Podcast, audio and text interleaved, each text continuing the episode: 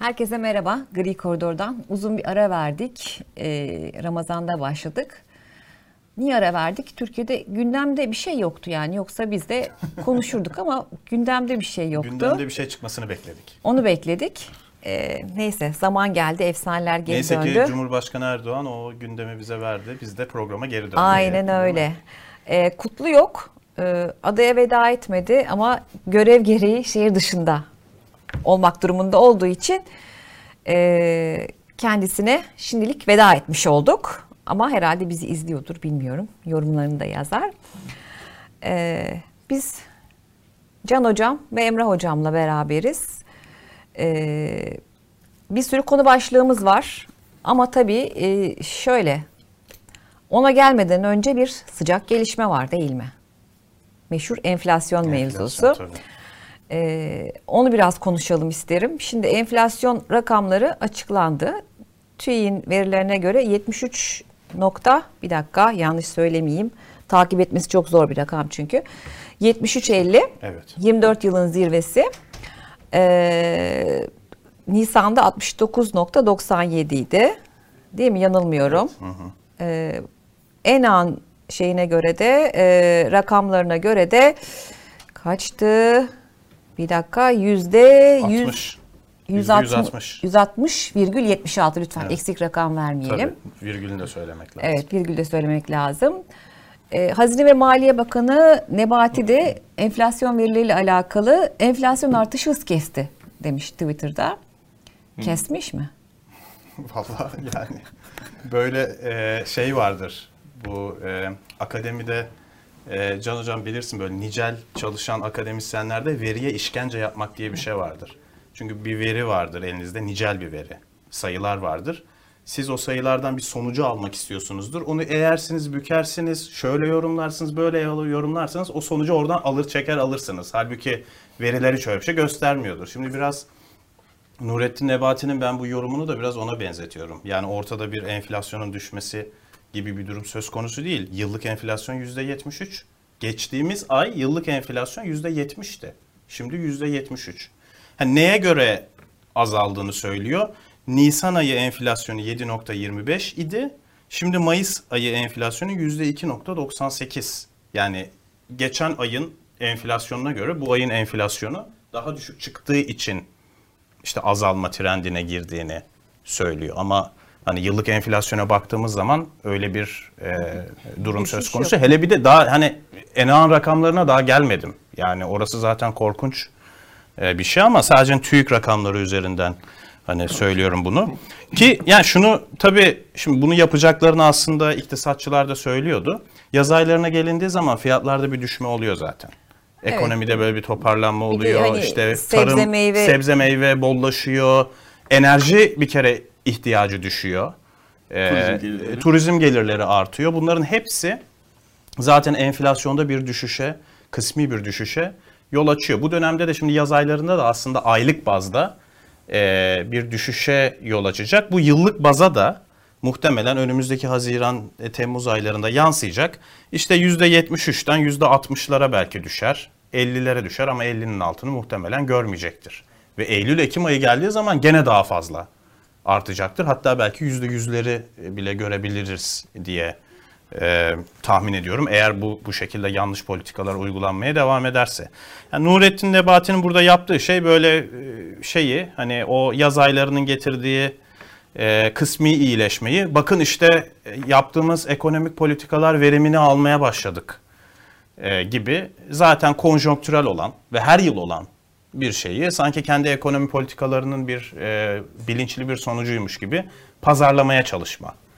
E, hamlesi. Sen rakamları hani işte akademide olur dedin ya eğme, bükme bilmem ne falan diye. Mesela şimdi ben, benim rakamlarla aram çok kötü olduğu için bu eğip bükmede ben çok kolay e, tufaya gelebilirim. Ha düşmüş falan diyebilirim. O kadar çok rakam var ki iç- benim için içinden çıkmak mümkün Evet, olmayan evet. bir şey ama e, bu öyle bir durum ki rakamlarla aran iyi olmasa bile hepimiz işte bir pazara gidiyoruz. Evet, evet. Markete gidiyoruz. 2 kilo bir şey alıyoruz. Yani benim gibi rakamlar arası kötü bir insanın ne bunun kilosu bu kadar mı demesi bile e, bir şey. Çünkü Ya işin uzmanı olan zaten şöyle düşünmüyor. Aa enflasyon bu kadar çıkmış falan. Böyle bir şey yok zaten. Yani e, vatandaş zaten pazara gidiyor, işte markete gidiyor. Orada bir hafta önce aldığı sütün fiyatı pahalanmışsa ona göre diyor ki ya bu gidişat iyi değil herhalde çok pahalandı falan diyor. Yoksa hani rakamlardan hani bu şey gibi bir şey hani havayı ölçüyorsunuz. Ee, diyorsunuz ki hava çok sıcak 25 derece ama Hissedilen ge- gerçekte 35. gerçekte hani hava sıcaklığı 10 derece ise ya tamam sen onu işte öyle dersen ama adamın hissediyor sonuçta. Hissedilen de ve gözlemlene de bilen bir şey. Belki tık nokta atışı Biliyorsunuz bir şey var, e, bir laf var. İstatistikler çok şeyi gösterir ama asıl göster görülmesi gerekeni göstermez diye. Şimdi burada da aslında böyle bir bakış açısı var. Siz e, bu istatistikler içinde size e, en fazla yarar sağlayacak olan veya sizin söyleminize en fazla katkı sağlayacak olanı seçip ön plana çıkartabilirsiniz. Bunun üzerinde oynama yapmanız zaten işin ayrı bir boyutu. Bakın ona hiç girmiyorum. E, Emrah'ın da dediği gibi enak mevzusuna hiç girmeden söylüyorum. Bizce de zaten %73 de bile değil. E, daha e, fazla. Daha fazla. Bundan eminiz. Bunu bilmeyen hiç kimse yok e, Türkiye'de. Bu işi yapanlar bunu bizden de daha iyi biliyorlar. Ama hani gerçekten de e, Türkiye'de enflasyonun %73 olduğunu e, düşünelim veya bir e, düşüş trendi olduğunu düşünelim. Geçen ayla karşılaştırdığımızda düşüş olduğunu bir an için e, düşünelim. Yani yine de e, siz e, ekonomi içerisinde, Türkiye ekonomisinin şu anki konjonktürü dahilinde o kadar fazla e, negatif veri ortaya koyabilirsiniz ki bunun hiçbir önemi olmaz. Mesela en basitinden e, biz geçen e, ay itibariyle e, dış ticaret açığında rekor kırdık. E, 11 milyar dolarlık, bakın sadece Mayıs ayı içerisinde 11 milyar dolarlık dış ticaret açığı verdik Türkiye. E, fakat- halbuki halbuki Çin modelinde Ha, kapana- tam tersi. kapanacak tam Tabii tersi tam olacaktı, tersi olacaktı halbuki. ki onunla da ilgili biliyorsunuz 6 ay bir vade koymuştu Erdoğan. Evet, E, yedinci altı ay oldu biz ama- bunun, Yedinci e, ayda mıyız? Evet 7. Tabii aydayız. biz 6. aydan sonra bunun semeresini e, görmeye başladı demiş. Böyle bir şey zaten olmadı. Ama mevzunun esas üzerine durulması gereken yönü şu. Şimdi Türkiye'de e, siz dış ticaret açığında rekor kırmanıza rağmen diyorsunuz ki biz ithalatta çok yüksek rakamlara ulaştık. Evet geçen e, senin ile bugüne İhracatta, bakıldığında ihracatta Şimdi şöyle. tabii ki ihracat şimdi şöyle diyorlar. Biz ithalatta müthiş bir noktaya geldik. Bakın e, geçen sene 5 milyar dolarlık ithalat yapmış e, e, ihracat İhracat. yapmıştık. Şimdi e, 10 milyar dolarlık ihracat yaptık diyorlar örneğin. Ama e, bunu söylerken bizim e, net ihracatımızın eksiye düştüğünü görmezden geliyor. Bunu göstermiyor. Yani bizim e, şeyde e, dış ticaret açığında rekor kırdığımızı e, bir tarafa bırakıyor. Onun üzerine durmuyor. Evet ithalatımız e, bizim çok yüksek artıyor. İhracatımızda belli bir e, yükseliş var. Birbirini e, asla karşılayan bir e, değerde değil. Ama onlar sadece e, ihracat boyutu ön plana çıkarıyor ve ithalatta ne kadar fazla artık kantarın topuzunu kaçırdığımızı e, göz ardı edebiliyor. Şimdi bu bağlamda değerlendirildiğinde e, örneğin sizin büyüme e, rakamını vermeniz, Türkiye'de bu büyümenin e, toplumun hangi kesimlerinde ne kadar etki ettiğini doğru bir biçimde ortaya koymadığınız takdirde bir anlam ifade etmiyor.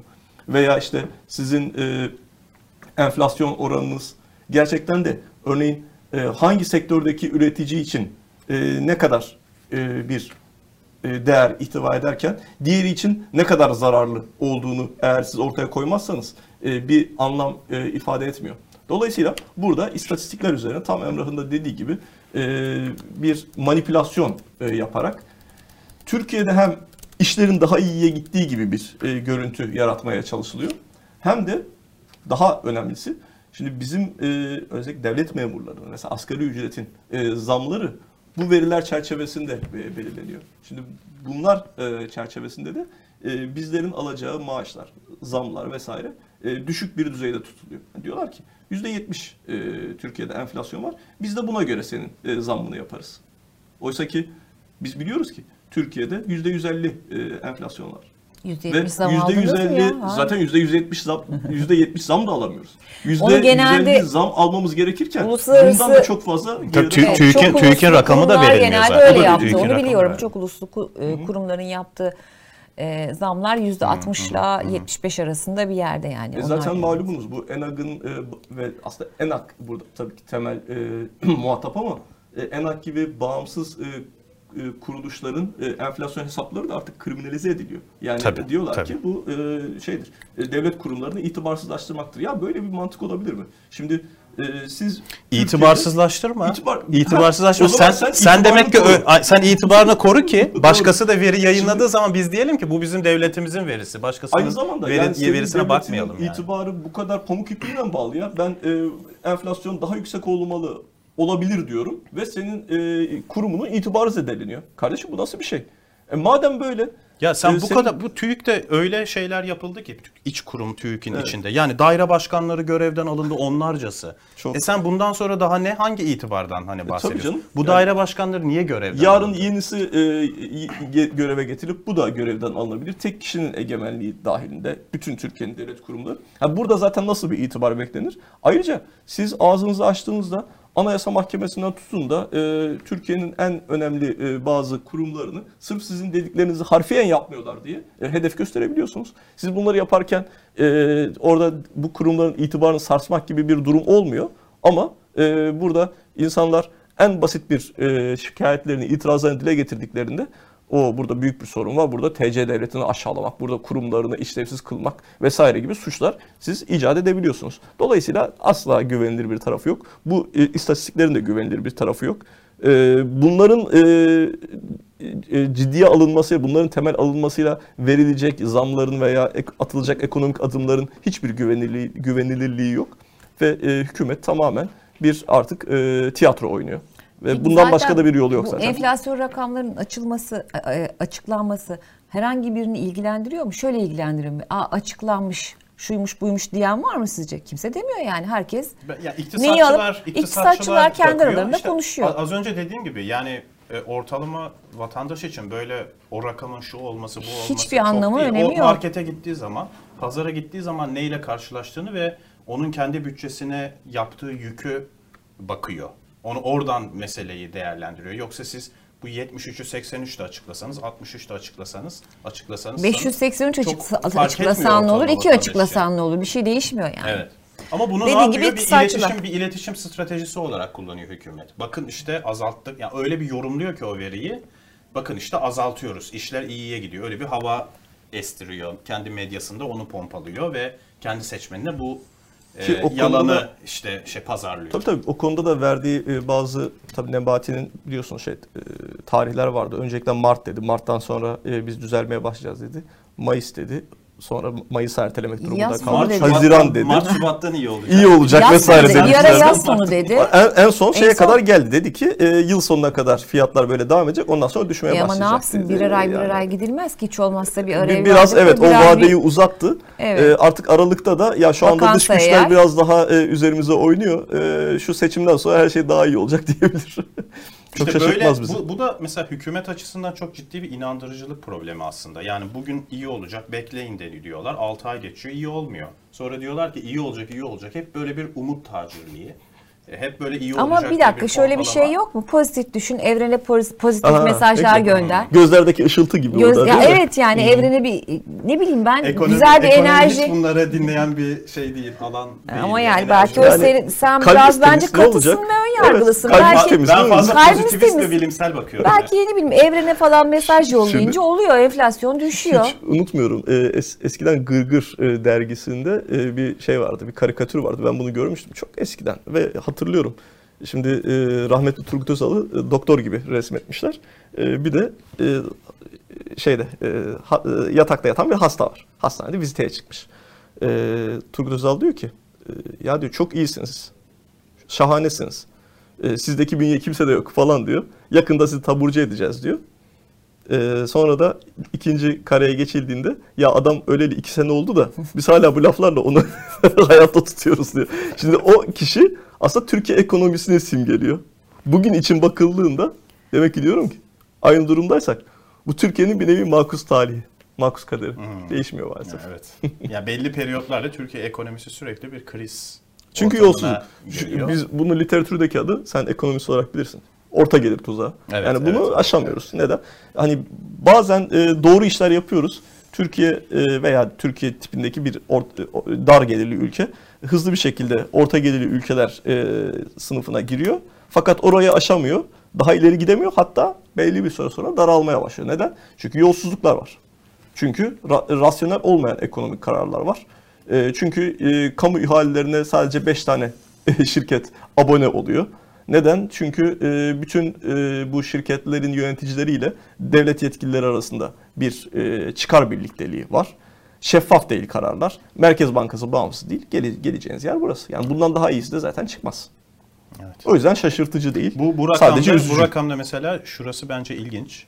Ee, yani yıllardır bunun ajitasyonu yapılıyordu. Ee, şu anki enflasyon rakamı TÜİK'in açıkladığı şeyden bahsetmiyorum. Ena'nın açıkladığından bahsetmiyorum. 1997 yılından 1997 yılındaki krizden beri en yüksek rakam. Bu ne demek? 2001 krizinde dahi enflasyon bu kadar yüksek değildi. Yani bu 2001 krizi işte çok hani şey yapılıyordu işte ne kadar kötü durumdaydı ki kötüydü de gerçekten yani gerçekten bir krizdi. Ama şu anda enflasyon ondan dahi yüksek ve muhtemelen daha da e, yükselecek. Bu Yükselecek. şu anda şu andaki enflasyon ancak 94 kriziyle e, bu Çiller dönemindeki krizle ve 5 Nisan kararları süreçleriyle ancak kıyaslanabilecek e, düzeyde bir Ki o zaman evet enflasyon yüksekti de hani Türkiye'nin e, farklı seçenekleri vardı. Yani bir yol- bir yerlere gidebilirdi Türkiye. Bir yollar e, uygulayabilirdi. Alternatif çözümler e, hayata geçirebilirdi. Sonraki dönemde zaten yaptı da bunu. Yani AK Parti en azından şunu düşünelim. E, elinin altında kaç tane devlet e, şeyi vardı değil mi? İşletmesi vardı. Onlardan kazandığı milyar dolarlar bile yeter. Yani şimdi elinin altında öyle bir en azından değer vardı. Şimdi böyle ka- bir şey kamu de yok. kurumları var Kamu diyorsun. kurumları var. Şu anda öyle bir şey de yok. Yani şu anda öyle bir durumdayız ki hem enflasyon yüksek hem kişi başına düşen e, milli gelir en aşağıya düşmüş durumda. Hem e, Türkiye ekonomisinin dünya toplam gelirindeki payı e, en düşük düzeye düşmüş durumda. Mesela şeyden 2001 krizinden daha düşük yine. Evet, evet. E, veya e, gelir dağılımı adaletsizliği en üst düzeye varmış durumda. Yani bu da iktisadi bir e, doğru, şey, somut bir veri. Hani Gini indeksiyle bakılıyor. Türkiye e, Avrupa'nın en eşitsiz ülkesi. E, işsizlik e, rakamları en üst düzeye varmış durumda.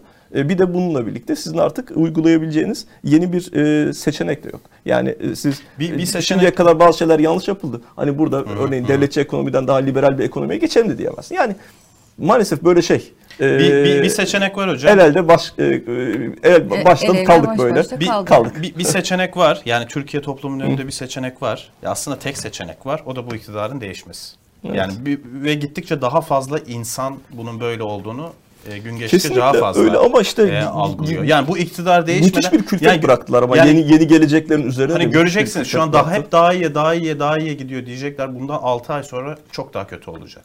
Yani artık buradan yani bu ekonomi politikalarıyla, bu zihniyetle, bu siyasi sistemle daha iyiye gidilebilmesi gibi bir şey söz konusu değil.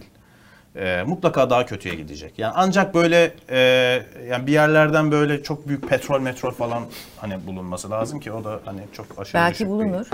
Seçimlere gidilirken genelde bulunuyor. Yani-. Bir şeyler bulunuyor. Şey, evet. O da- o da yer- işte- yerli uçağımız Yerli gökler O da enflasyonun düşüşü gibi gazete küp şeyinde kağıdında bulunuyor ama gerçekte bir e, realitede bir şey olmuyor. Yani biz bu İşte yaz daha mı fakir olacağız? Evet. Yani maalesef bu iktidar gidene kadar biz, biz her gün daha fazla fakir O zaman olacağız. tam tersini söyleyelim biz. Ee, Mayıs Haziran'dan daha iyi. Haziran Temmuz'dan daha, Daha iyi. daha iyi. Maalesef böyle gidecek. Ya zaten havalar da çok sıcak oluyor. İşte evinde oturacaksın. Ne buluyorsan yiyeceksin. Ayrıca zaten günde iki öğün beslenmek de sağlıklı bir şey değil mi? Ya klimayı Yani- açalım diyorsun. Açma. Elektrik parası aklına Bir geliyor şey söyleyeceğim. mesela. Niye açıyorsun klimayı?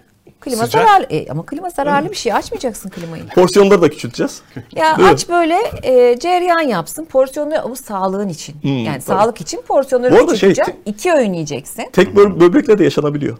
Satın böbreğinizi. Ne olacak? Oraya kadar satış yok. Komple ölelim bence. Yani hiç Araban varsa ya be- yürümek faydalı. Arabaya binme. Yani yürümek Evet, faydalı bir evet, şey. Bisiklete bin ya da Ya benzin bir tane istemiyor, bir Twitter'da şey bir istemiyor. hesap var. Asgari ücretle hayatta, Hayatta kalma rehberi diye. diye. Tam, tam bu işte.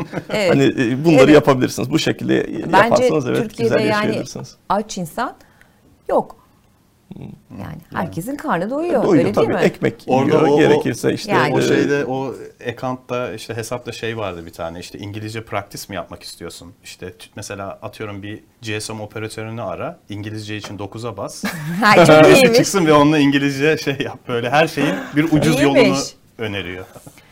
Evet, enflasyon konusunda Emrah moralimizi iyice bozduktan sonra Evet çok Zaten e, çok konuşuruz bu konuyu. Daha Daha moralimiz bu çok, çok konuş- Daha çok bozacağım ben daha merak evet etmeyin. boz, boz yani ne yapalım. Bir de zaten siyah da giymişsin içimiz karardı şurada yani. Oysa bizim bir sürü başka konu başlığımız da var. Ne kadar iç açıcı konular hele.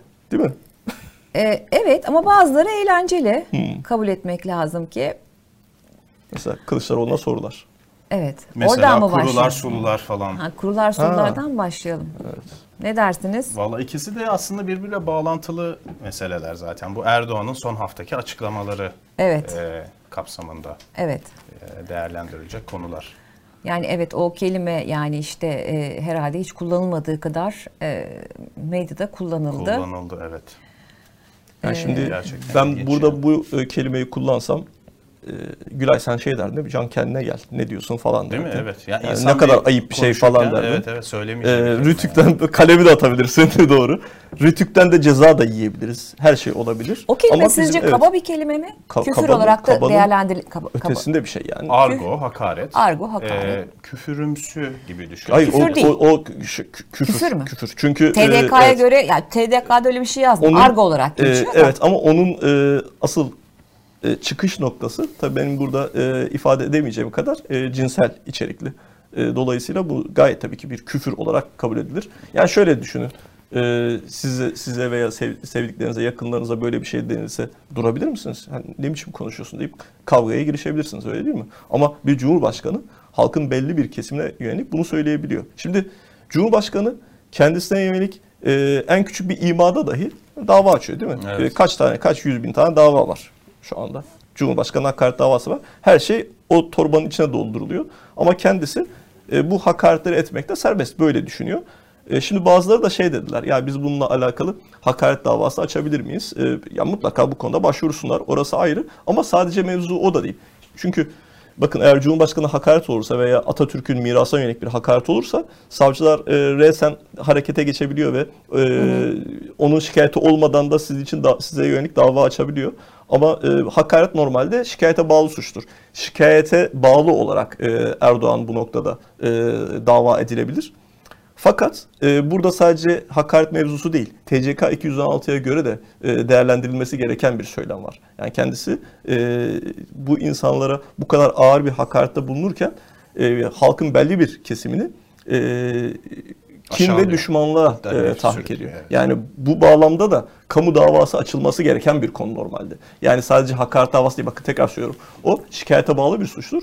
E, ama e, halkı kim ve düşmanlığa tahrik e, şikayete bağlı bir suç değildir. Savcılar bu noktada resen e, harekete geçebilir. Nerede peki olabilir? Eğer Türkiye hukuk, hukuk devleti, devleti hukuk devletinde olabilir. Yani bu ama yani Türkiye'nin siyaseten geldiği noktanın o siyasi etikten ne kadar uzaklaşıldığının bir durumu. Bir de tabii şey var yani hani sadece Erdoğan değil bakanlar ve AKP'li bazı yöneticiler de e, bu sözlerin arkasında durdu. Tabii. Şimdi bununla alakalı birkaç yorum var. İşte e, bu şekilde enflasyonun, zamların, e, bazı usulsüzlüklerin e, Üzerine örtmek. üzerine örtmek Evet, gibi bir şey var. şey, evet.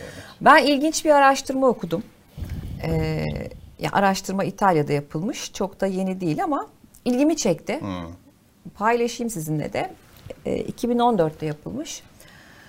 E, bir politikacının kaba kelimeler kullanması e, ya da işte küfür etmesi e, politikacının konuşmalarının informal olduğunu hissettiriyormuş karşı tarafa. E, O ve duy- duygusal genel izlenim, mı? Hmm. genel e, o politikacıya karşı genel izlenim olumlu oluyormuş tabii ki yani özellikle kendi taraftarlar arasında. E, bu özellikle erkek politikacılar için geçerliymiş. E, ama işte aynı araştırmada kadın politikacıların e, daha fazla güven verdiği de ortaya çıkmış. E, bu tarz konuşmalar politikacının seçmeni üzerindeki ikna kabiliyetini Hmm. artırıyormuş. Olabilir. Yani İlginç. daha sıcak bir şekilde Ee, konuşabilir. ama Mesela şöyle bir şey var. falan diyebilir ama, ama bir çelişki var demez. çok ilginç. Çok, çok ilginç. Ee, mesaj bazında bakıldığında mesajın ikna kabiliyetini düşürüyor. Yani kişiye olan e, kişinin ikna edici e, gücünü daha yüksek hissediyorlar.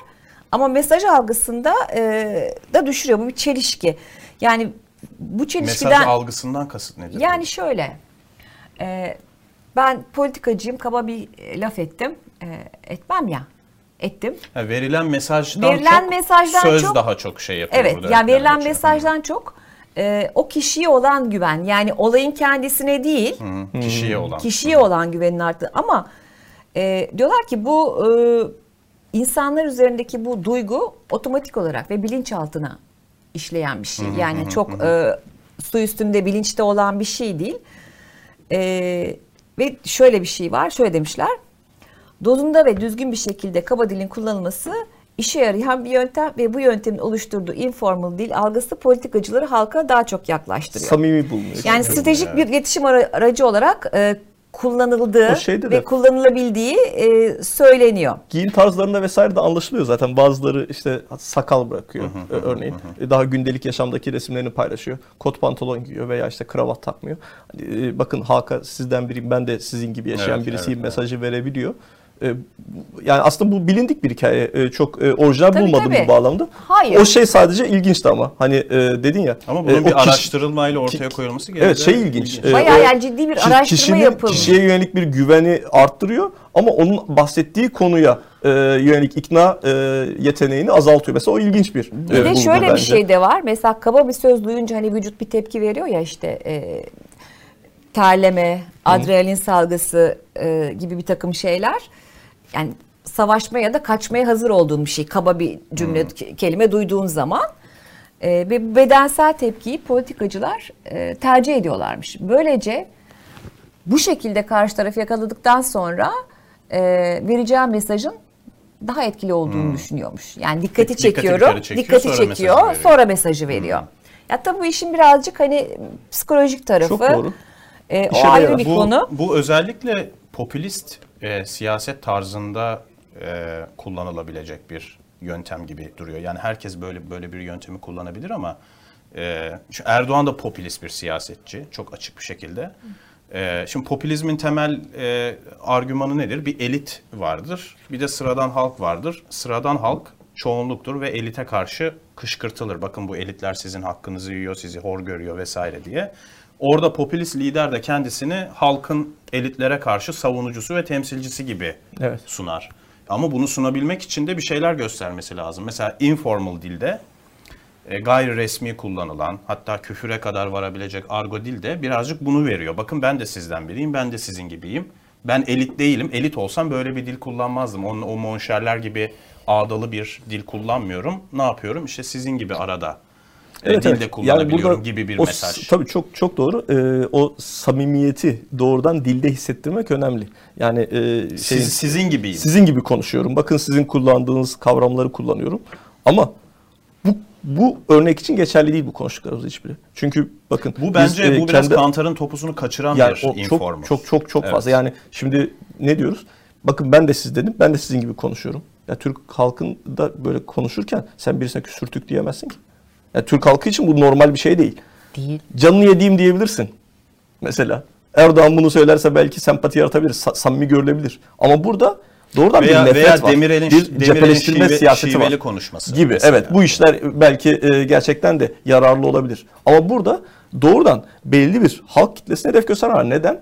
Çünkü siz ekonomik olarak bunlar artık bir e, ümit vaat edemiyorsunuz. İnsanlar için siz bir ümit sunamıyorsunuz. Gelecek vizyon sunamıyorsunuz. O zaman korku yaratırsınız ve ins- insanları bizler ve onlar, ötekiler gibi ayrıştırırsınız. Ayrıştırdığınız kişiler kim? Sizin e, vergi almadığınız kişiler mi? Hayır siz bunlardan da vergi alıyorsunuz. Siz bir e, felaket olduğunda onlara da IBAN atıyorsunuz değil mi? E, para ödesinler vesaire diye. Veya Türkiye bazı e, uluslararası organizasyonlara aday oluyor. E, işte tanıtım videoları hazırlıyor. Siz bu tür insanları kullanıyorsunuz. Kendi tabanınızı kullanmıyorsunuz. Bunlar biz, sizin batıya dönük yüzünüz çünkü. Vitrininiz. Siz bunlardan e, yararlanmayı biliyorsunuz ama e, popülizm için e, sırf siyasi çıkarlarınız uğruna siz burada insanları hedef gösterebiliyorsunuz. Bakın bir de şuna dikkatinizi çekerim. Ee, en başta şey diye düşünüldü. Erdoğan e, bir an konuşurken sinirlendi bunu söyledi. Yine kabul edilemezdi ama Yo, yo, hani pro- e, evet Yok, ama prompter. öyle değilmiş. Gayet Prompter'dan bilinçli. bu bilinçli bir şekilde e, metne eklenmiş. Demek ki burada bilinçli bir germe stratejisi var. Tabii. Bunun bir boyutu sizin dediğiniz gibi e, ekonomik sorunların e, konuşulmaması, bunun geçiştirilmesidir. Diğer bir boyutu da e, kendi kitlesini konsolide etmektir. Yoksa yani bu gezi mevzusunu 10 senedir halen bu kadar unutmamak, bu kadar sorun haline getirmek. Yani Birleşik Arap Emirlikleri'yle sen barışmışsın. Suudi Arabistan'la barışmışsın. Şimdi 250 insanı şehit eden senin dediğine göre. E, kanı elinde olan insanlarla barışmışsın. Hala bunlarla barışmamanın çünkü bir mantığı yok. Ben burada o söylediklerine ek olarak yani işte ekonominin konuşulmasını engellemek, kendi seçmenini konsolide etmeye artı olarak bir de karşı tarafı kışkırtmaya Tabii, tabii, çalıştığını tabii. düşünüyorum. Çünkü e, şu anda Birlikte yürüyen bir süreç Ee, zaten bu. Evet yani hepsi zaten birbiriyle bağlantılı. Çünkü şu anda ben hani Erdoğan yönet Erdoğan'ın ve Erdoğan yönetiminin böyle gezi tarzı bir ayaklanmaya, bir eylem protestolar zincirine ihtiyacı olduğunu düşünüyorum. Yani öyle bir şey olsa bence çok memnun olurlar. Çünkü o işte senin de bahsettiğin popülist kutuplaştırma stratejisi en çok böyle dönemlerde işe yarıyor. Yani ne oluyor? İşte bir taraf böyle ayaklanınca gösteriler, protestolar yapınca diğer tarafta ona bileniyor. Bilenince konsolide oluyor ve o zaten destek verdiği siyasi liderden vazgeçeceği varsa bile iktisadi Tabii. sebeplerle ondan vazgeçmiyor kutuplaştırma durumu olduğu için. Ama şimdi kutuplaştıra böyle bir takım söylemlerle falan da insanları kutuplaştırmaya çalışabilirsin ama bunlar bir noktaya kadar işe yarıyor sadece söylediğiniz zaman. Ama karşı taraf böyle ayaklanırsa, protestolar yaparsa, böyle bir takım vandallıklar yapmaya falan kalkarsa o zaman ortada çok görünür Tabii, bir tabii. şey var. Bu, bu defa insanları çok daha kolay Onu da kutuplaştırabiliyorsunuz. abartıp abartıp, e, Abartıp insanların kendi göz, medyandan, gözüne e, kendi sokarsınız. medyandan karşı tarafa sürekli onun propagandasını Bakın mevzu nereden çıkıyor? Diyor ki halen o yalanı devam ettiriyor. Diyor Evet, ki e, evet. orada içki içtiler diyor. E, içki şişeleriyle, e, kutularıyla, bira kutularıyla orayı kirlettiler diyor. Ya bunun yalan olduğunu herkes biliyor. Kabataş yalanı gibi bir yalan bu da. Hani Cuma'ya kadar siz açıklayacaktınız görüntüleri. Kaç Cuma geçti? Şurası, şurası da çok Şimdi ilginç. şöyle. Şurası da çok ilginç. O e, ilk defa o Bezmi Alem Camii'nde içki içildiği e, ni Sürdüler adamı. iddia eden ha, ha, tabii o o ayrı bir konu. iddia eden cemaat medyasıydı. Ha evet evet doğru. İlk kez oraya Zaman Gazetesi e, gitti ve işte burada içki içildi vesaire. Ondan sonra olay o işte Peki şey şimdi mesela falan. bundan sonra e, belli beklentiler karşılanmazsa e, dil daha mı ağırlaşacak? Tabii ki hiç şüpheniz olmaz. sürekli iktidar ben, ben, eli- eli ben seç- seçime kadar bu kışkırtmaların sürekli devam edeceğini düşünüyorum. Kesinlikle. Sürekli Tamam karşı nereye tarafı kadar ama bir- ya? E, seçime Yani kadar. sizce Erdoğan Seçime e, Gülay şey mi? Böyle e, tamam bu kadar yeterli oldu deyip duracak Hayır, birisi mi? hayır. O siyasi etik düşüncesine Hayır, sahip mi? hayır tabii, devam ki değil. edecek. Onun için söylemedim. Yani hani e, artık gelinen noktanın daha ilerisi ne olabilir diye merak Evet, ettiğim için. korkutucu. O, o korkutucu. O- o- evet, evet. o- o Ondan yerinde bir soru. dur- Çok dur- yerinde bir yani acaba bir dahakinde ana avrat düz mü gidecek gibi bir artık o noktaya geldi Türkiye'deki böyle siyasi tartışma ortamı maalesef. sanmıyorum. Yani şimdi şöyle de bakalım sadece söylemler bazında değil. Şimdi festivalleri yasaklıyor. Gençlerin yani şurada Evet. zaten ülkede o kadar sıkıntı yaşıyorlar. Sadece gençliklerini birkaç gün yaşamak isteyecekler. Ee, onun tadını çıkarmak istiyor. Onu engelliyorsunuz siz. İşte K-pop konserlerini engelliyorsunuz. O kadar fazla sanatçı biliyorsunuz e, engellendi. Melek Mosso engellendi. Apolas Lerbe engellendi. Aynur Doğan engellendi değil mi? E, diğer bazı e, isimler de tepki göstererek gitmediler. Şimdi burada e, bilinçli bir e, el yükseltme e, süreci var e, iktidarın. Germe stratejisi bu. Bu e, e, söylemler de aslında bu e, tavırla tam bir uyumluluk içerisinde. Emrah'ın dediği gibi orada bir karşılık verilmesini bekliyor. Karşılık verilmesini ve e, tansiyonun yükselmesini ve oradan işte o bizler ve onlar, bizler ve ötekiler düşüncesinin toplumda daha fazla karşılık bulmasını bekliyor. Çünkü Erdoğan'ın e, bu anketlere baktığında artık ayağının altından zemini kaydığı gördüğünü ben e, düşünüyorum. evet, yani bundan çok emin. Evet. Biraz da zaten bunun siniriyle o halka siz nasıl bana oy vermezsiniz siniriyle e, biraz yaklaştığını da düşünüyorum. Yani işin nasıl rasyonel bir boyutu varsa ki var bunu anlatıyoruz. Ama işin bir de duygusal bir boyutu var Erdoğan açısından. Erdoğan duygularını zaten yansıtan bir lider ve şu anda hem o iktidardan gideceğim korkusunu hem de halka yönelik o öfkesini siz bana nasıl oy vermezsiniz? E, nasıl benim arkamdan desteğinizi çekersiniz öfkesini ben net bir şekilde Onu belki tabii ki biraz daha kendi seçmenine yani eski seçmenine. Hmm, tabii o zaten şeye değil de hani o gezi eylemlerine Tabii ki, katılan tabii ki, kitleye zaten- değil de hani kendi seçmenine böyle bir sitem Ta- ve Biz e, ve onlar yaratmanın zaten temeli bu. Ee, bu taraftan diğer diğer tarafına Nasıl geçecekleri geçersin? engellemek. İhanet, Onun evet. önünü hatta gidenlerin bir kısmını geri e, E getirebilmek çünkü kaygısı. zaten hani genellikle anketlere baktığınızda kararsızlar e, en büyük parti gibi Evet, çıkıyor evet, yani. evet, evet. Değil mi? E, bu, o yüzden bu şey muhab e, Erdoğan'ın bu sulu kuru e, açıklamalarında da aslında onu başka bir kontekste yaptı, başka bir ortamda yaptı ama yani onu grup konuşmasında yapmadı. Ama o aynı zihin yapısının izlerini tam olarak orada da e, mesela görmek mümkün. E, o çok gündem olan işte sulu içiyorlar, kuru içiyorlar vesaire diye. Şimdi Erdoğan için hep siyaset biz ve onlara dayanıyor. Ve biz dediği kesim yani Türkiye'deki bu diyelim ki kabaca işte muhafazakar mahalle diyelim muhafazakar İslamcı mahalle yüzde 50-55'lik bir kitle 55 civarı ve çoğunluk. Yani ortada bir kutuplaşma olduğu zaman bu kesim hep çoğunluk çıkıyor. Diğer kesimse yani bu gezi eylemlerine katılan, içki içen, öyle bir yaşam tarzı olan, seküler yaşam tarzı olan kesim ise azınlık. Yani e, en son TÜİK verilerine göre örneğin toplumun %74'ü hiç içki kullanmamış. %26'lık bir kesim. %4'te biri yani O kadar içki mıymış? kullanıyor. Evet. Düzenli ve dörtte üçü hiç Ne, ne verileri? TÜİK verisi bu. O en az %35 %40 vardır o zaman. Yok bu bu şey için de böyle. Yani Konda'nın vesairenin yaptığı çalışmalarda da bundan çok farklı bir sonuç çıkmıyor. Hadi yani yüzde otuz deseniz gene ortada bir hani azınlık. Yüzde onda benden Ee, olsun yüzde kırk vardır. Yok o kadar o kadar yoktur hani Türkiye'de. Şimdi hani Erdoğan'ın kafa yapısı hep şöyle çalışıyor. Bir bizimkiler var, bir de öbür taraf var. Öbür tarafa atış serbest. Yani oraya işte sürtük de denebilir.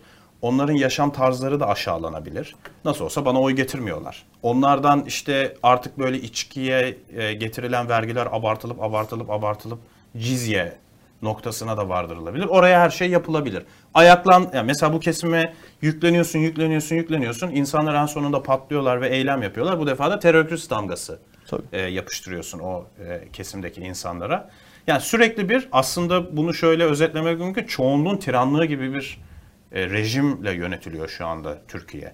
Tabii onun da artık sonuna geliyoruz ama belki hani bu 2018-2019 dönemine kadar yani çoğunluğun e, desteğini almış bir lider bir şekilde almayı başarmış ve sürekli azınlığın üzerine işte onun yaşam tarzını kısıtlıyor. Gerekirse ona işte e, kürsüden parmak sallıyor. Gerekirse ona küfür ediyor. Neredeyse küfür edecek kelimeler e, söylüyor.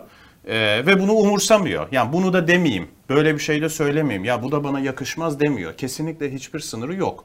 Yani şimdi bir cumhurbaşkanı ya insanın bir de bir şeyi olması lazım ya. Bir kendince bir takım ahlaki kuralları olması gerekir insanın. Yani mesela bu yani işte bu sürtük kelimesi için hani mesela şöyle denmesi gerekir. Yani bence Türkiye Cumhurbaşkanına yakışan şu olur. Ya ben bunu söylemeyeyim ya bu çok fazla.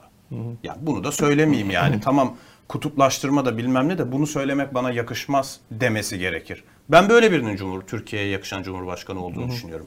Ama maalesef yani Türkiye toplumunun da bir kesimi ya bunlara prim veriyor. O o primi primi aldığı için Cumhurbaşkanı Ya bunları söyleyebiliyor. Trabzon'da e, küçük bir çocuk biliyorsunuz Kılıçdaroğlu için hain dedi.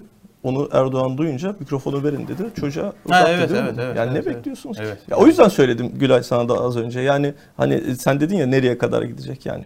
Gittiği yere kadar gidecek. Erdoğan tamam bu kadar e, artık yeterli. Bundan da daha fazlasına devam etmiyor. Ya her şeyde her Demeyecek. şeyde her şeyde iktidar ve güç değil ya. ya insanın bazı da bir takım da ahlaki sınırları olur yani.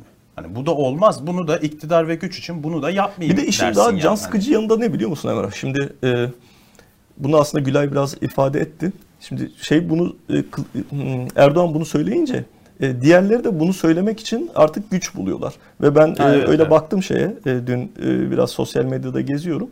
E, işte muhalif e, mahalleden olan insanlara e, AK Parti veya MHP yandaşları sürtük falan demeye başladılar. Neden? Çünkü artık Cumhurbaşkanları bunu söyledi ve normalleştirdi. Şimdi e, eski e, havuz medyasından e, bir yandaş medyadan birisi var bu TRT'de bunu ana haber sunduruyorlar. Böyle bir e, tam bir şey garabet durumu. Dün Bernard için şey yazmış bir bebekte bir kahve içtim 75 liraydı falan gibi bir eleştiri yapmış. Çok basit bir eleştiri. Adam gelmiş buna bakın tekrar söylüyorum TRT'de ana haber sunuyor bu adam. Bebek sahile gitmeyin aman orada dikkatli olun falan filan diyor. Gidin orada banklara oturmayın diyor.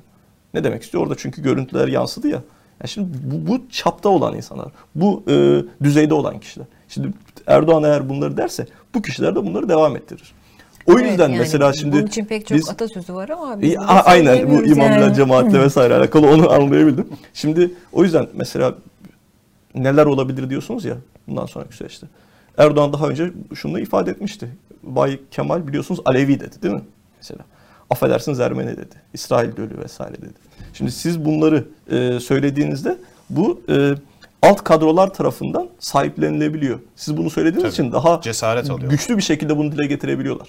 O yüzden toplumumuzu Allah yardımcısı olsun. olsun Belki TDK'daki e, anlamlarından bir tanesi değiştirilir. Ne olacak ki?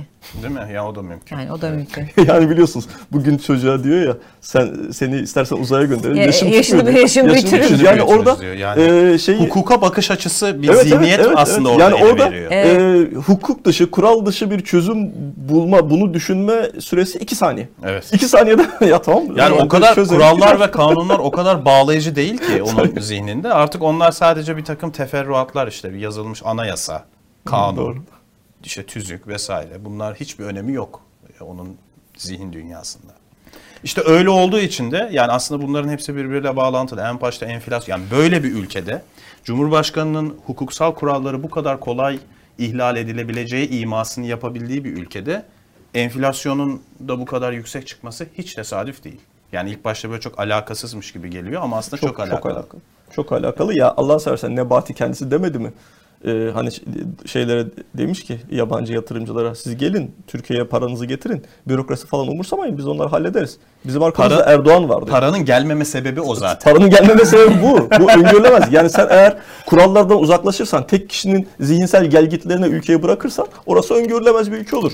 Oraya da yatırımcı gelmez. Yani sen aslında Türkiye'ye neden yabancı yatırımcı gelmediğini anlatmış oluyorsun. Ya böyle de ekonomiden uzaklar. Bu kadar e, kurallar e, konusunda e, saygısızca tamamen e, başına buyruk şekilde davranabiliyorlar. O yüzden tekrar ifade edeyim Allah toplumumuzun yardımcısı olsun yani. Önümüzdeki seçime kadarki süreçte. Ben de çekiniyorum. Çekiniyorum evet. Zor bir bir yıl olacak. Evet. Zor bir bir yıl olacak. Önümüzdeki bir yıl. Sağ olun ya. yani evet. Adam da iki cümle söyleyecek bir, bir, şey bir- biraz biraz böyle doğru şey yaptık. e, enerji emdik ama E, yani. Türk Türkiye'de yaşıyoruz. Ya şimdi konu konuyu açıyor da geçen birisi yazmış Burası şey diye. İsveç mi kardeşim? ya şimdi zaten burası İsveç. Ha, o Burası İsveç İsveç. konusuna geleceğiz. Şimdi e, gençler e, şeyde e, Avrupa'da yani belki başbakan, cumhurbaşkanını biliyorlardır. E, bakanları bile tanımıyorlardır. Birisi şey yazmış. Ya ben e, tekel e, bayi Ö- ne Özgür bilmem ne diye bir adam var ya. Ha, tekel, tekel, tekel bayileri başkanı e, öyle. Evet evet. ya ben o kuruluş. Özgür Buzbaş mı öyle bir şey. Onu bile tanıyorum ya falan diyor. Ben nasıl bir hayat yaşadım kardeşim diye. Çünkü o da siyasi bir figüre dönüşüyor artık ülkede. İsveç'e geçeceğiz. Hani burası İsveç miye geçeceğiz de bence şu 10 soru Ha evet o da konu. Tabii, önemli. tabii. 10 maddede e, yaza nasıl hazırlanırsınız diye şey yapıp e, o konuya da bir girelim derim. Şimdi neden Ee, sorular soruluyor? En başta onu söyleyeyim mi? Evet. Şimdi e, Kılıçdaroğlu'nun e, soru sorması aslında çok normal. Çünkü neden muhalif, muhalefetsiniz ve iktidara sorular soruyorsunuz. Oradan sorması garip karşılanabilir ama norm- normal maalesef garip değil. E, çünkü hem oranın izleyici sayısı çok fazla hem sizi daha önce televizyonlara davet etti gitmediniz. Ondan hepsinden daha önemlisi ama meclisi etkisiz kıldınız. Yani meclise soramıyor ki bu soruları. Şimdi gen soru veremiyorsunuz e, meclisin bugünkü yapısına bu sistemde. E, soru önergesi veriyorsunuz muhatap bulamıyorsunuz. Yani evet, şimdi Tür- Türkiye'de e, yüzlerce soru önergesi var verilmiş. E, soru önergesini veriyorsunuz muhatap yok cevap yok ya. Cevap bulamıyorsunuz. Böylesi bir garabet. O yüzden sizin soruları e, bu, bu soruları e, Erdoğan'a Twitter üzerinden sormanız son derece mantıklı. Erdoğan'ın neden sorduğu ama e, gayet tabii ki çok tartışmalı. Siz iktidarsınız. Siz neden muhalefete sorular sormak durumunda hissediyorsunuz? Bence o 9 tane sorunun tamamı altyapı, temel mevzu 10. soru. 10. soru. 10. Tabii, soruda tabii. da ne diyor? Hadi yüreğin yetiyor mu benim karşıma çık, çıkacak mısın diyor. Evet. E, o 10. soruya gelmek için de oraya kadar e, cevaplanması çok kolay olan soruları sormuş. Tabii tabii. Ki Kılıçdaroğlu da ne- bunları çok ne net bir cevap vereceği de herhalde yani. 3 aşağı 5 Çok yukarı cevaplamış. bildiği şeyler Esas diye mevzu ne? cevapla. Ken- Kendisi karşısında Kılıçdaroğlu'nu aday görmek istiyor ve e, onu bu mindere doğru çekmeye çalışıyor. Ha Kılıçdaroğlu da bu noktada zaten e, biraz hevesli, o da görülüyor. Hani o yüzden şu andaki süreç bu sorular süreci ikisini de bir lider e, olmak nok- lider iki tarafın lideri olmak noktasında durumlarını konsolide eden bir süreç. Bunu ifade etmek lazım. Ama Erdoğan da daha önce hiç hani böyle e, hani genelde Dediğim gibi yok min- mindere yok- çekmeye çalışıyor. yok sayardı Sensin ya benim- yani hani sensin benim Ya, rakibim hadi evet, gel evet. diyor. Evet evet. Yani onu onu seni muhatap alıyorum, seni seçtim gibi. Seni seçtim, şey muhatap var. alıyorum. Ama bu ben e, ilk 9 sorunun da çok önemsiz olduğunu düşünmüyorum. Onuncusunun çok önemli. Yani orada bir bir hinlik, onu mindere çekme olduğunu e, kesinlikle ben de öyle düşünüyorum ama bu ilk 9 soru Erdoğan'ın sorduğu diğer sorulara baktığımız zaman Ee, aslında Erdoğan'ın bugüne kadarki CHP bakışından farklı bir şey söylemiyor.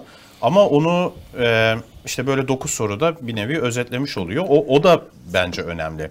Sürekli böyle bir işte Kılıçdaroğlu'nun e, ve genel olarak aslında CHP'nin ülkenin ve devletin çıkarlarının aleyhine çalışan bir Evet, parti evet. ve aleyhine çalışan bir lider olduğu imajı e, sürekli pompalanmaya çalışılıyor Erdoğan ve hükümet. Çünkü o 9 sorunun 9'u da şeyle alakalı. Güvenlikle alakalı. Yani dış siyaset, güvenlik, terör örgütleri, dış güçler vesaire gibi meselelerle ilgili. Yani mesela şuna terörist diyebiliyor musun?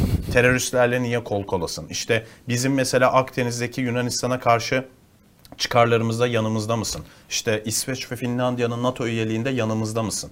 Yani onu hep e, dışarıda dış politikaya dair yani ülkenin menfaatlerine dair, içeride de o teröristlerle yapılan mücadeleye dair devletin ve milletin yanında olmamakla e, ve hep böyle işte Türkiye düşmanlarıyla hareket etmekle suçlayan bir, sürekli böyle bir şey. Tabii ve Ee, şey olgular üzerinden değil algılar üzerinden. Mesela ne diyor? Yedinci soruda e, siyasi stratejilerinizi yabancı ülke e, temsilcilerinize hatır, e, hazırlatmak, onlara onaylatmak e, na- na- yerine işte kendi tabanınızla konuşmayı neden düşünmüyorsunuz diyor. Yani şimdi böyle bir şey yok ki. Yani böyle bir şey yok. Bunu Süleyman Soylu söyledi. Altında hiçbir şekilde doldurmadı. Şimdi nasıl o Kabataş mevzusu veya o camide içki içirdiler mevzusunun nasıl altı doldurulmadıysa, hiçbir kanıt ortaya koyulmadıysa burada siz de bunu söylediniz. Yani şimdi Süleyman Soylu bunu söyledi. Hadi ben de o zaman hatta yayındaydım. Dedim ki e, bununla alakalı bir kanıt ortaya koysun. Ben de e, muhalefet seçmeni olarak diyeyim ki Kemal Kılıçdaroğlu'na ya sen neden bunu tuttuğun yabancı bir büyükelçiye gönderdin ki? Amacın ne senin? Diye ben de sorayım. Hesabını soracağım. Buradan taahhüt ediyorum dedim. Evet hiçbir şey çıkmadı. Çıkmayacağı belli çünkü e, zaten Süleyman Soylu'nun daha önce de böyle çıkışları oluyor. Pensilvanya ile görüşmüş dişçide. Değil mi? Kılıçdaroğlu için bunları falan söyledi. 10 bin dola- dolar alan siyasetçiyi açıklayacağını söyledi. Hiçbir şey gelmedi vesaire. Ya zaten onun daha önce böyle e, çıkışları oluyor. Ben de diyorum ki şimdi siz bunu bu kadar söylediniz söylediniz hiçbir şey e, ortaya koymadınız bununla alakalı. Ama bunu e, doğru olarak kabul edip bir de bunun üzerine soru soruyorsunuz. Yani Emrah'ın dediği gibi tam olarak böyle bir yaklaşım var. E, CHP veya genel olarak e, muhalefet e, kitlesini bu şekilde e, lanse etmeye gayret ediyor. Böyle hedef gösteriyor. Ama bu da olgular üzerinden değil. Yaratmak istediği algılar üzerinden. Yani şimdi tamamen yan- yanlış. Tamamen belgesiz bir konu üzerinden siz e, bir hikaye uyduruyorsunuz ve onun üzerinden de Kılıçdaroğlu'nun size cevap vermesini bekliyorsunuz. Ya böyle bir komedi olabilir mi? Bu Ya olmayan bir şey üzerinden sana nasıl cevap versin? Yanlış Evet. soruya doğru cevap verilir mi? Evet. Bu atışmada ben birazcık şunu da e, gözlemliyorum. İşte Erdoğan'la Kılıçdaroğlu arasındaki bu şey tartışmanın gibi geldi içeriğine gözüme. Saz çalıp hani ozanların atışması gibi siyasetçilerin atışması meselesi. Şimdi bu özellikle bu Sadat olayında da bu mevzu ki Sadat e, Kılıçdaroğlu'nun soruları arasında da Sadat da var. Var. Ki bence o da çok tesadüf değil. Şimdi Türkiye'de bir bir iktidar değişikliği olacak ama bu iktidar de- ol- olacağı bekleniyor ve olma olasılığı bence yüksek. Ama bu iktidar değişikliği sadece böyle bir siyasi partinin iktidardan düşüp yerine yeni bir partinin gelmesi gibi değil. Türkiye'de bir rejim değişikliği olacak. Ciddi bir değişiklik olacak bu değişiklik. Bu değişikliğin olabilmesi için Türkiye'de bürokrasinin özellikle de güvenlik bürokrasisinin mutlaka e, rızasının alınması gerekiyor. Yani orası çok önemli bir ağırlık noktası. Yani Türkiye'de bürokrasi tabii ki seçimler yapılacak, halk desteği vesaire ama bu büyük dönüşüm sürecinde mutlaka bürokrasinin de bir şekilde bu işe e, olur demesi gerekiyor. Türkiye'de bürokrasi geleneksel olarak yani Türkiye bürokratların kurduğu bir ülke ve yıllarca bürokratik vesayetle yönetilmiş bir ülke ve hala da aslında Erdoğan rejiminin ve Erdoğan'ın bir siyasi lider olarak tüm gücüne rağmen bürokrasinin özellikle de milliyetçi güvenlik bürokrasisinin hala bir ağırlığının olduğu bir ülke. O bürokrasi şu anda Erdoğan'la bir tür ittifak halinde. Eğer rejim değişecekse e, muhalefetin o bürokrasiyi de bir şekilde e, Erdoğan'dan vazgeçip kendi yanında olmaya ikna etmesi gerekiyor. Aslında bu e, Erdoğan'ın Kılıçdaroğlu'na ithamları sadece seçmenin gözünde Erdo- Kılıçdaroğlu'nu kriminalize etmeye yönelik değil. Aynı zamanda güvenlik bürokrasisinin gözünde de Kılıçdaroğlu'nu kriminalize etmeye yönelik. Bakın bunlar milli menfaatlere uygun davranmıyorlar. Bunlar gelirse Türkiye'nin Akdeniz'deki çıkarları da gider. Türkiye'nin Suriye'deki işte Kürtlerle olan işte oradaki teröristlerle olan mücadelesi de gider. PKK ile mücadele de gider. Dolayısıyla tabii, e, siz beni destekleyin, siz orayı desteklemeyin gibi bir mesaj olduğunu da düşünüyorum. Gerçi güvenlik bürokrasi Erdoğan'la çalışabildiyse Erdoğan gibi bir liderle yani onlara yapmadığını bırakmayan ve e, milli politikalardan e, tek sapmayı temsil eden e, partiyle e, bile ve kişiyle bile çalışabildiyse CHP ile vesaire çok rahatlıkla çalışır. Ama işte ne yapıyor? Onu kriminali, kriminalize ediyor. Bak HDP ile birlikte diyor vesaire diyor. Ama mesela ona karşı olarak da Kılıçdaroğlu ne diyor? Sadat'ı mesela gösteriyor. Mesela Sadat meselesi de burada çok önemli. Ben Sadat'ın Erdoğan'ın kendi bir tür derin bürokrasi ve e, derin devletini yaratma girişimi olduğunu e, düşünüyorum. Orada da bence Kılıçdaroğlu Sadat üzerinden o bürokrasiye mesaj veriyor. Bakın yani siz bu kişiyle birliktesiniz ama bu adamın başka planları da var. Bu Bir de kişinin- fedailer var değil mi? Şimdi? sizi sizi evet. sizi Bitmiyor, gerekirse bitmiyorlar. size size alternatifler üretmeye çalışıyor gibi bir ben mesaj vermeye çalıştığını da düşünüyorum orada Kılıçdaroğlu'nun. Kılıçdaroğlu da aslında orada ben size daha iyi çalışırım. Türkiye'nin çıkarlarına ben daha iyi hizmet ederim. Devlet çıkarlarına gibi bir e, mesaj vermeye çalıştığını da düşünüyorum ben bu 10 soru 10 cevap e, sürecinde. İşin bu noktası da önemli. Doğru. Evet. Birazcık da dünyaya doğru uzanalım diyorum. Biraz böyle gergin konuları bırakıp şey mi yapalım evet ya diyorsun biraz daha? böyle bir zaten fazla bir zamanımız da kalmamış. Ee, ne yapalım? E, Böyle bir magazinsel takılalım diye düşünüyorum. Ya çok da magazin değil aslında bakarsanız. Hakikaten Johnny Depp'le Amber Heard'ın davası herhalde yani çekirdek çıtlarken bile izleyenler olduğunu duydum. Gerçekten ne- şey. nereden nereye geldik böyle bir anda Sadat'tan Ama evet, çek- Heard'a çekirdek çıtlayıp Amber Heard'ın davası. Çok ilginç. Çünkü e, inanılmaz bir ilgi gören bir dava oldu. E, abla yani Amber'da biraz yani hani beyan esastır, kadının beyanı esastır aslında. Yayından önce de konuştuk ya birazcık sohbet ederken. Fakat e, çok ilginç bir durum. Ha bu arada bu dava O.J. Simpson davasından sonra en fazla takip edilen davaymış. Yani YouTube'da falan yüz milyonlarca kere izleniyor. böyle bir reality show gibi bir şey oldu. Reality show gibi kadarıyla. ve hani davanın yapıldığı eyalete sabahın köründe gidip içeri gir bileklik alınıyormuş içeriye Ama girerken. Amerika'da da ne manyak insanlar var ya. Böyle gidiyorlar hani bu işe Ya böyle onlar, şey yapıyorlar. Onlara ona bakarsan e, bir ucuzluk olduğunda da e, gidip şeyde bekliyorlar ya ya da işte bir, yeni bir telefon falan çıktığında. Şimdi tabii hiçbirimiz hukukçu değiliz ama bol miktarda e, hukuk dizisi seyretmiş durmuyoruz yani. Hani Amerika'da ne diyorlar? Jüriye bakıyor. Your Honor. Your Honor. Guilty. Suçlu ya da değil diye. E, Johnny Depp 2020'deki İngiltere'deki bir davada kaybediyor. 7 milyon dolar. Gene aynı kişiyle mi bu dava? Yani e tabii canım artık kadın Amber Heard denilen Amber Heard. e, kadınla, oyuncu. oyuncuyla. Evet. Denilen kadın demeyelim. Kadın yani. oyuncu. Kadın oyuncu. E, fakat yani hani şeyler gerçekten e, çok ilginç. Yani hukuk hikayesi de çok ilginç. Aslında bana enteresan gelen de şu oldu. Ha, or- orada Herkes orada da- kaybetmiş yani Orada kaybetti davayı. davayı. Amerika'da kazandı. Herkes e, Johnny Depp'in Amerika'da da bu davayı kaybetmesini bekliyor. E, ilginç olan tarafsa işte jüri Johnny Depp'i haklı buluyor. Yargıç da işte onun lehine karar veriyor. Sistemler de karşılaştırıyor. Amerika'daki jüri sistemi Evet, ve işte de İngiltere'deki e, yargıç karar veriyor zaten.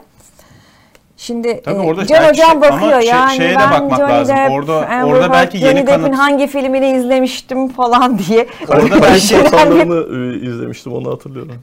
Belki ABD'de ama yeni kanıt sunulmuşsa hani yani belki Ha, birebir de aynı dava düşündüm. ama. Şey yani evet zaten o saçma olur. Yani aynı konuyla alakalı bir İngiltere'de bir de e, e, Aynı konu değil ama. aynı ABD'de konu değil. olması zaten saçma Aynı olurdu. konu değil, aynı yani, konu değil. Evet o zaman e, eldeki veriler de farklı. Öyle değil? İngiltere'deki ne hakkında? Ee, o, o da şey mi? Ee, iftira davası. İftira davası. O da iftira. O da bir iftira davası. Ama yani o beni dövdü, bu bilmem ne yaptı. Ya Elon Musk bile işin içinde biliyorsunuz. Onun Onun da içinde olmadığı olmadığı şey onun- yok. Ya adam Adamın ya olmadığı en- masa yok. Ben gerçekten hani ne alaka her yerden çıkıyor. Burada ben de varım, ben de varım falan diye. Yollar açık olsun falan demiş. Çünkü Amber Heard'ın eski sevgilisiymiş. Ha, Kendisi. Onu, onu bilmiyorduk. Peki sen ne düşündün? Mesela sen bir kadın olarak baktığında o kadın beyanı esastır mevzusuyla ilgili düşünüldüğünde e, ne gibi bir şey canlandı? Manipülatif olduğunu merak hikaye ediyorum. bu Me Too hareketi var ya, Evet. e, meşhur Me Too hareketi. Aslında ona karşı olanların da bu davada çok büyük bir şeyi oldu. Yani hani görüyor musunuz? Çünkü beyan esastır tamam ama yani kadının da e, ya bu ay- pozitif ayrımcılık da bir yere kadar. Yani kadın yalan söylediği işte e, bir sürü tanıklarla ya da işte delillerle ortaya çıkıyor.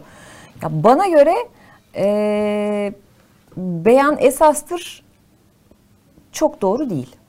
Tehlikeli bir laf ettin şu an. Ama tamam yani ben kendimi e, kadın hakları konusunda e, yani savunucularından biri olarak görüyorum ama beyan esastır diye bir şey çok da makul gelmiyor. O zaman yani hani bunun, Ama orada bunun beyan, ve şimdi orada feministler şunu söylüyor. Ee, şöyle e, Evet. ifade ediyorlar. Diyorlar beyan esastır demek kadın bunu söyledi ve kesin doğrudur demek değil. Değil, tabii canım, Yani onu tabii. söylediği zaman onun mutlaka işte araştırılması, e, Canım, şey or- orada zaten bunun gibi karşısına bir laf söyleyecek kimsenin ciddiye olabileceğini alınması ve da. önemsenmesi anlamında. E, tamam. Yoksa yoksa o kadar absürt bir yorum e, yani kadın di- dedi ki bu yapıldı. Tamam kesin öyle olmuştur. Hiç davaya gerek yok, araştırmaya gerek yok. Öyle bir şey iddia ettiklerini ben zannetmiyorum şeyde. Yok, iddia edenler var. Var. Hatta şöyle Var, de var. söyle- İddia şimdi edenler bu, var bu yani. dava çok ünlü olduğu için e, bunun belki bir dönüm noktası olduğunu vesaire söylüyorlar ama Türkiye'de bundan iki sene önce tam ayrıntıları hatırlamıyorum ama bir, kadın e, bir adamın kendisine tecavüz ettiğini e, söylüyor.